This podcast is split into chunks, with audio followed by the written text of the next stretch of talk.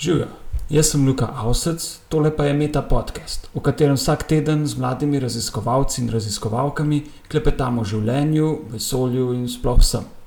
Moji sogovorniki so znanstveniki, pred zaključkom doktorata z različnih področji znanosti. Meta podcast domuje na spletišču metina.si, kjer lahko komentirate, dajete predloge ali podprete naše delo. Sledite nam na Facebooku Metine liste ali na Twitterju hashtag MetaPodcast. Danes je z mano Janja Snoj-Tratnik, univerzitetna diplomirana biologinja. Janja, živijo. Živijo, Luka. Nahajava se na uh, inštitutu Jožefa Štefana na odseku za znanosti o okolju. Kaj delate tle? Naš odsek je v bistvu dislocirana enota uh, in sicer nismo locirani na Jamovi, kjer je pač. Um, glavnina inštituta Jožefa Stefan, tem, temveč tem smo locirani na uh, reaktorskem centru, kjer je eksperimentalni reaktor Triga, kjer se pač upravlja recimo, razne izračune na, na samem reaktorju, uh, tudi se pač izvaja izobraževanje uh, kadra za jedrski reaktor v Krškem. To je bolj ta fizikalni del. Ne? Tako je. To je v bistvu odsek za, za reaktorsko fiziko, odsek za reaktorsko tehniko, sta locirani pač tukaj in sta direktno povezani z reaktorjem. Naš odsek je pa vezan na reaktor, uh, ker imamo pač uh, določene metode, za katere pač rabimo obsevanje vzorcev. No, ti si za diplomo na biotehnički fakulteti preučevala odnos uh, rastlina, kovina, se pravi, s kovino mislim bolj te tako imenovane težke kovine, ne? kadmi, uh, svinec, uh, živo srebro. Kaj si pravzaprav počela? Jaz v bistvu najprej ne opomnim, da v bistvu izraz težke kovine se niti ne uporablja, ne, ker ni strokovno pač podkovan. Ampak ja, tako je.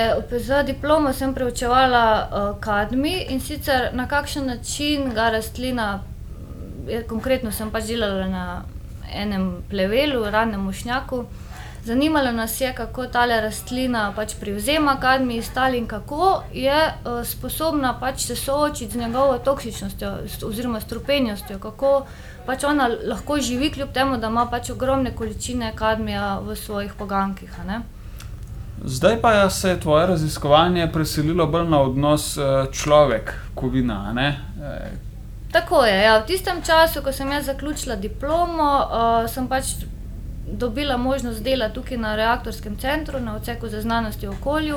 In takrat so pač začele v Sloveniji se izvajati tudi študije na uh, tako imenovanem humanem delu, se pravi pri izpostavljenosti um, ljudi določenim onesnaževalom iz okolja. Ne? Predvsem tukaj sem začela na živem srebru.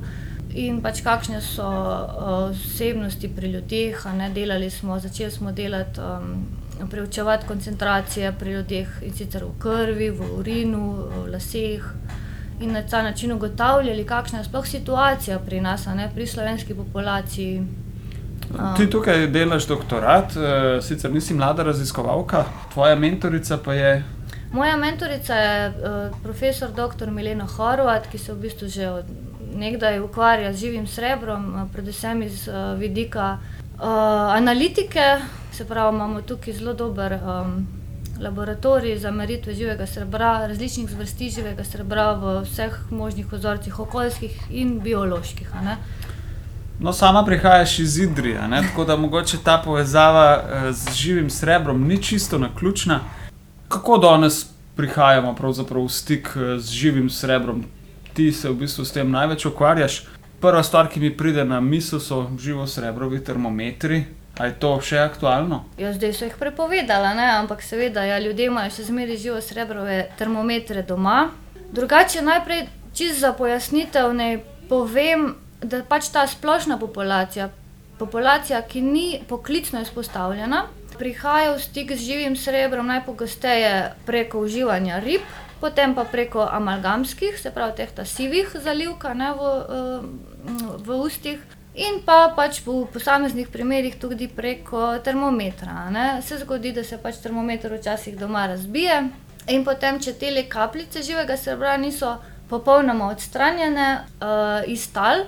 Se ne, naprimer skrijejo za omaro, se nekako skrijejo med razpoke v parketu, uh, to leživo srebro počasi hlapi v zrače in nekako mi ga ves čas, ko smo prisotni v tistem prostoru, ga dihamo in tako vnašamo v naše telo.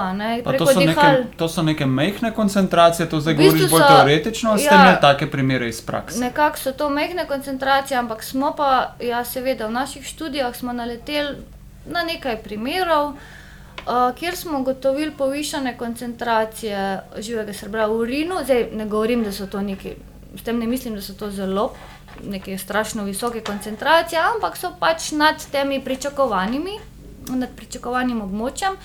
In smo takoj, seveda, sprašali ljudi, oziroma itak v teh študijah ljudi sprašujemo o njihovih življenjskih navadah, in med drugim tudi, ali se je pač v zadnjem letu v vaši hiši razbil uh, živo srebro termometer. In smo nekako ugotovili, da pri teh ljudeh, ki so imeli nekoliko povišene koncentracije v urinu, uh, s- je bilo ja, v, pač v nekem obdobju, no in v zadnjem letu, razbito živo srebro in očitno ga niso Dobro odstranili. odstranili. In Rekla si mi, vi ste sposobni iti na teren in najti take kapljice. Tako je, imamo inštrument, ki pač sproti črpa zrak uh, iz prostora in uh, sproti zaznava, kakšna je koncentracija živega srebra v počrpanem zraku, in na ta način lahko natančno lociraš, kje je pač tista nesrečna kapljica. Dobro, zdaj pa druga najbolj pereča zadeva, ribe. Pred nekaj časa smo začeli poslušati, da ribe v nosečnosti pa nikakor ne, zato ker vsebujejo veliko prav teh težkih kovin, mm. živega srebra in tako dalje, in da za nosečnice ribe niso primerje. Kako je s tem? Ja, to je zelo v bistvu neka taka nehvaležna zadeva. Ne? Kukor se je pač razvedlo um, v javnosti, da ribe pa vsebujejo zdaj to strašno živo srebro, a ne, je, so nekako predvsem ginekologi a ne svetovali nosečnicam, ker namreč živo srebro iz materine krvi zlahka prehaja preko posteljice do zarodka. a ne. Še zelo posebej rado pa tudi prehaja potem v možgane, ne, oziroma Živo srebro pa je neurotoksično. Tako je. Ja. In uh, ima pač negativne učinke na centralni živčni sistem, še posebej pa, ko se ta šele razvija, ne se pravi pri zarodku. In seveda mamice so bile, oziroma bodoče mamice so bile seveda prestrašene in rib sploh niso uživale. Kar je pa še sploh narobe, zato ker ribe vsebujejo poleg pač tega potencialno toksičnega živega srebra tudi zelo uh, pomembne, zelo koristne uh, snovi, to se pravi omega-3 maščobne kisline, tudi selen, ki sta zelo, uh, sploh omega-3 maščobne kisline so izjemno pomembne za razvoj živčnega sistema ne, pri zarodku. Če pač nosečnica, če je nosečnica izločila ribe iz svojega jedilnika, v bistvu s tem ni prav nič dobro naredila. ne. Se pravi, Um, ti, ti si tudi mama, ne? ti si med nosečnostjo jedla ribe. Brez problemov, živela ribe. Je pa pač tukaj treba povedati, da zdaj, uh, glede na to, da se živo srebro kopiči v organizmih, ne, se pač zelo počasi izloča. Zato, ker pač pri, uh, pri konstantnem vnosu, se pravi z uživanjem rib, se to kopiči ne, v telesu in, tudi v ribah, ne, ki ga prejmejo pač po prehranjevalni verigi. In zdaj, če je riba mehna in ne živi dolgo časa, ima seveda živega srebra malo. Se pravi, je- srdelica bi bila Tako. boljša od tune. Srdelica je absolutno bolj priporočljiva, sploh za nosečnice. Manj priporočljive so seveda ribe, ki živijo dolgo časa in so velike, recimo mečarice, tune. Se mislim, da pri nas se tega niti ne, ne uživa dosta, ampak eh, treba je to poudariti. No, kadar se opozarja na živo srebro v ribah, vsekakor se ga ne sme povsem izključiti iz prehrane. Se pravi, Ja, mislim, živo oziroma srebro, rib, ja. je, živo srebro je prisotno v ribah, ampak te, te vrednosti najbrž niso ja. Ja. zelo nevarne, če jemo ribe enkrat na teden. Najbrž. Enkrat na teden je zelo malo, to je v bistvu, eh, te vrednosti so zanemarljive. Ja. Sploh pri nas v Sloveniji, ki je pač v ribah, smo mi delali analize, ne. Eh, Ribi so prisotne na slovenskem trgu ne, in so bile koncentracije res, eh, niso bile prav nič uh, zaskrbljujoče. Tako da mislim, da mi brez skrbi uživamo ribe, v bistvu jih premalo uživamo. Tudi to smo ugotovili skozi naše študije. Mi imamo izmed uh, držav, ki so sodelovali z nami v teh študijah, a ne imamo v bistvu najmanjše koncentracije živega srebra. Kaj, zdaj si omenila te velike projekte, del katerih eh, ste bili tudi vi. Vem, da se je preučevalo veliko število držav, med njimi tudi Slovenija. preučevali ste uh, otroke in njihove matere, pobirali ste vzorce krvi, včasih pa konične krvi, uh -huh. uh, lasje. Zakaj je to? Ka kakšne meritve ste izvajali in kakšni so bili rezultati? Ja, tako je. Zdaj, te študije so se začele leta 2007 in predvsem z namenom, v bistvu začela se je več študij obstajala.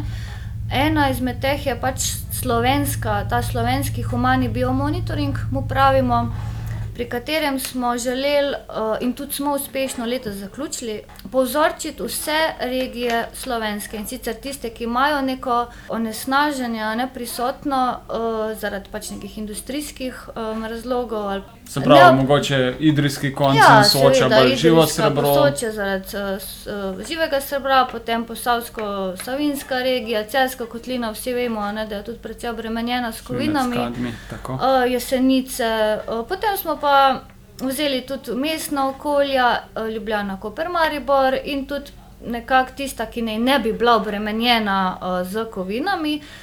In smo v bistvu vzorčili tako matere z prvimi um, otroci in njihove partnerje, oziroma moške, z, predvsem z namenom, da sploh vidimo, kakšna je situacija glede obremenitve s kovinami pri naši populaciji, ne pri slovenski populaciji. Tako da dobimo neke ne. referenčne vrednosti za našo populacijo. Namreč referenčne vrednosti obstajajo recimo za nemško populacijo, kjer se ta biomonitoring izvaja že 25 let, ali pa za skandinavsko, ali pa za ameriško, ampak v bistvu, predvsem zaradi naravnih, zaradi geoloških razlogov, se te koncentracije, te izpostavitve kovinam zelo razlikujejo med populacijami in seveda tudi zaradi življenjskega sloga, zaradi vem, prehrane.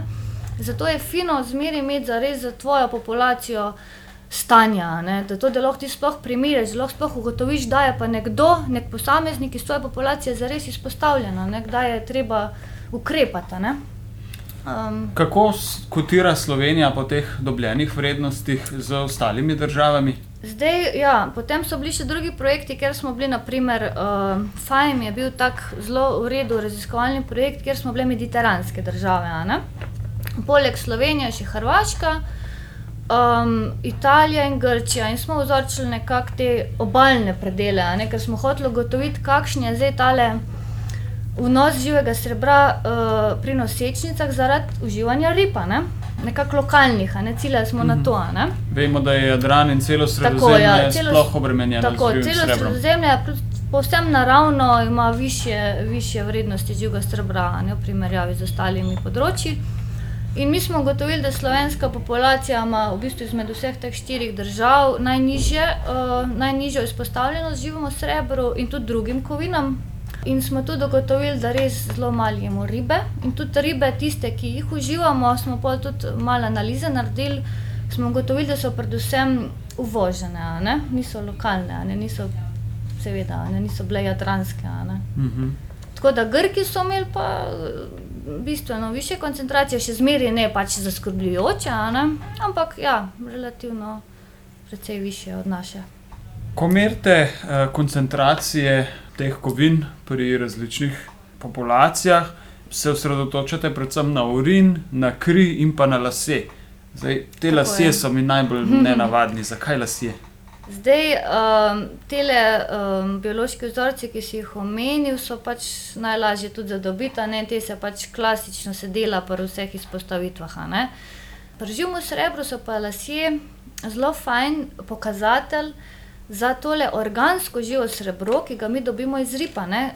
Namreč organsko živo srebro iz krvi zelo lepo prehaja v lase in se tam pač odlaga. In v bistvu mi imamo tudi las, v bistvu, če imamo dolge lase, lahko pogledamo za izpostavitev živemu srebru za no, deset let nazaj. Namreč uh, las zraste recimo en en centimeter na mesec, ne, in mi lahko po centimetrih gledamo. Aha, prejšnji mesec si imel pač tako izpostavitev, tri mesece nazaj, no in tako. Ne, ampak zdaj spravim ljudje, ki pač stalno uživajo na kak, enak način uživanja rib, enak vzorec, ne bodo imeli seveda po celi dolžini las podobno koncentracijo. In če so šli kam na dopust, recimo na Tajsko ali pa ne vem kam.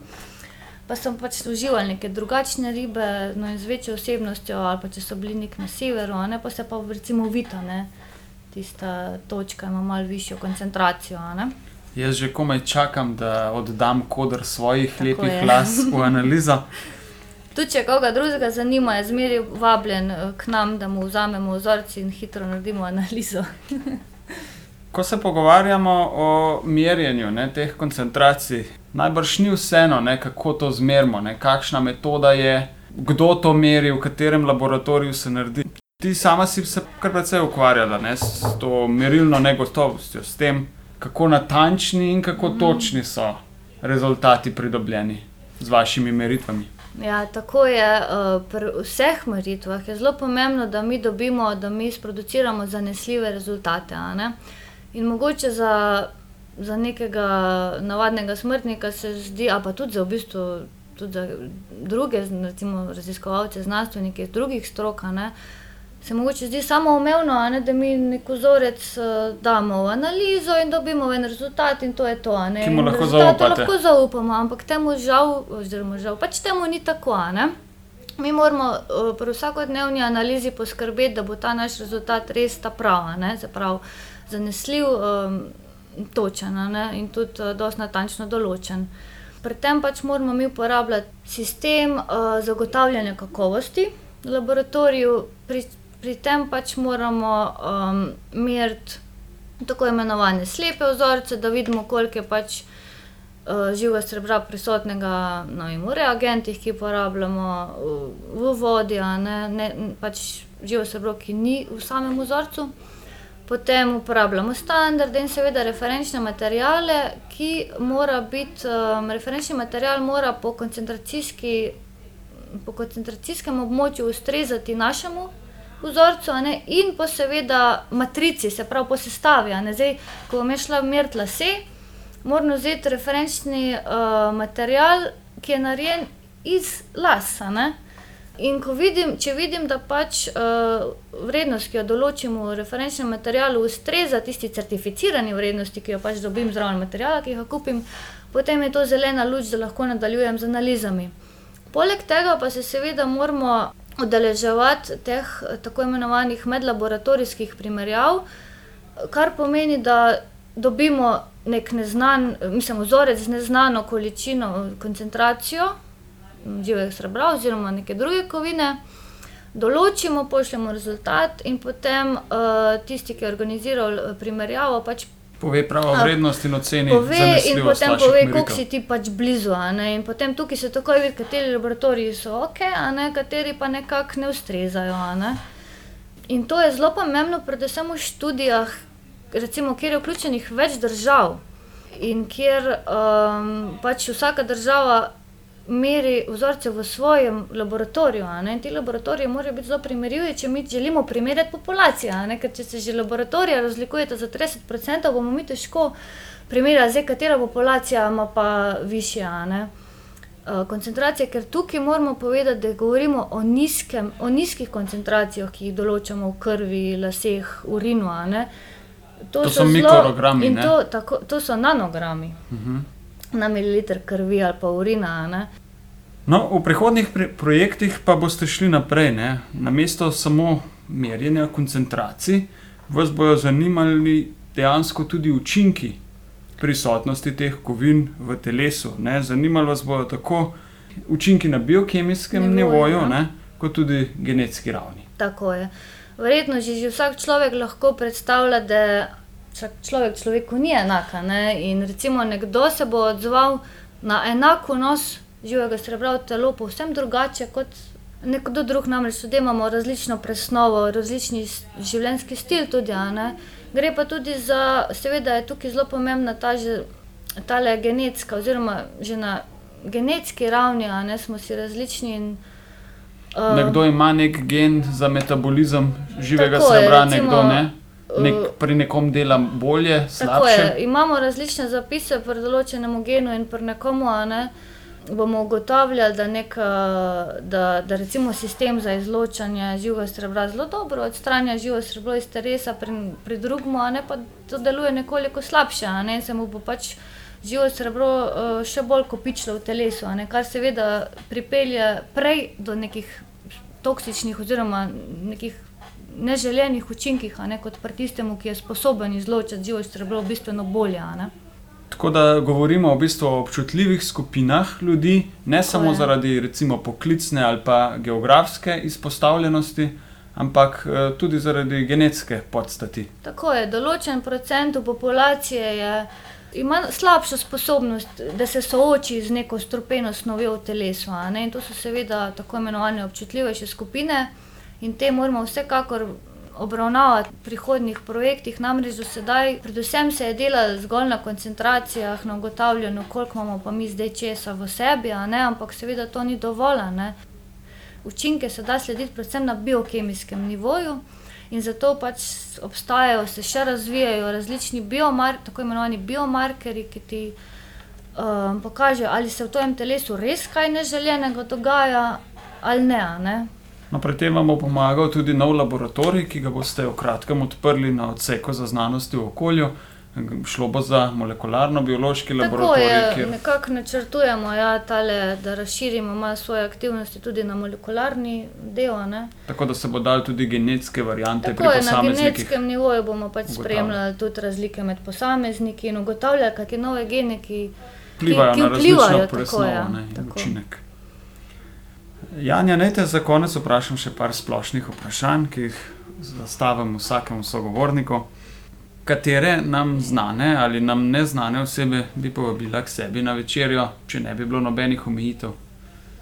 To pa moram priznati, da, da, pač, da pa res težko, um, da bi pa težko zdaj v tem trenutku nekoga zbrala in povedala. No, to bi, E, Če bi podedovala 15 hektarov zemlje, kaj bi z njo? Če bi gledala malo brez ekonomskega vidika, bi bilo mogoče pametno investirati, a ne zgraditi mogoče kakšne eh, nepremičnine in to prodajati. a Ne. To bi recimo vsekakor naredil moj mož, ampak jaz bom pač uh, gledam na te stvari malo brez romantičnega vidika, imam zelo rada ta stik z naravo oziroma stik z zemljo, a ne in bi vsekakor. Če bi bil gost na tej zemlji, bi vsekakor obdržala gost, pa kakšno nivo naredila, pa še eh, kar precej kakšnih uporabnih rastlin za sebe imela. a ne. Torej, to je mogoče malo tako zguljen odgovor, ampak ja, to je čist, če pogledam iz moje, ne vem, čisto prvi moj odgovor. a ne. Seveda, če bi se pa to res zgodilo, bi mogla pa fajn premisliti najbrž, kaj bi naredila. Ti je lažje izbrati najljubše živo bitje ali literarno delo? Vsekakor živo bitje. Kje se vidiš čez pet let, kaj boš delala čez 40 let? Čez pet let zagotovo še tukaj, vsaj upam, a ne? ker res načrtujemo zelo zanimive zadeve, a ne? in se zdaj se bo v bistvu šele začel dogajati tisto, ta, pravo, um, ta prave zadeve. Čez 40 let pa ne vem, a bom že v penziji ali ne, ampak vsekakor upam, da bom nekje v kakšnem mirnejšem predelu sveta. Eh, Nam lahko priporočiš kakšno knjigo, film, eh, igro? Ja, v bistvu knjigo bi zelo rada omenila, sem jo brala na zadnje, čeprav je to zdaj že nekaj časa nazaj, ampak avtor je dr. Alois Han. Uh, me je zelo, v bistvu se me je dotaknila knjiga, ker Katera njegova knjiga je to? v bistvu sem dve brala, kar eno za drugo. Ena je hvalnica rešnjemu telesu, druga so pa državljanski eseji. a ne. Si želiš več prostega časa, kot ga imaš zdaj? Seveda. Kaj bi z njim? Kaj bi z njim? Stik z naravo. Stik z naravo, šport, razno razna ustvarjanja, veliko dejavnosti je. Ne vem, ne bi naštevala, no. Pa še dva otroka. to pa ne, smo pa zaključili. Janja Tratnik, hvala za pogovor. Hvala tudi tebi. Poslušali ste Meta podcast. Pohvale, pripombe in predloge za bodoče goste nam lahko posredujete tudi po e-mailu na znanostafnametina.si, sicer pa nas poiščite na Facebooku Metine liste in na Twitterju, kjer mene najdete kot @inlife, čivki v podkastu pa ima hashtag metapodcast. Vse oddaje s povezavami na domače branje so doma na spletnem portalu metina.si, kjer lahko ta projekt tudi finančno podprete. Hvala in naslišanje prihodnjič.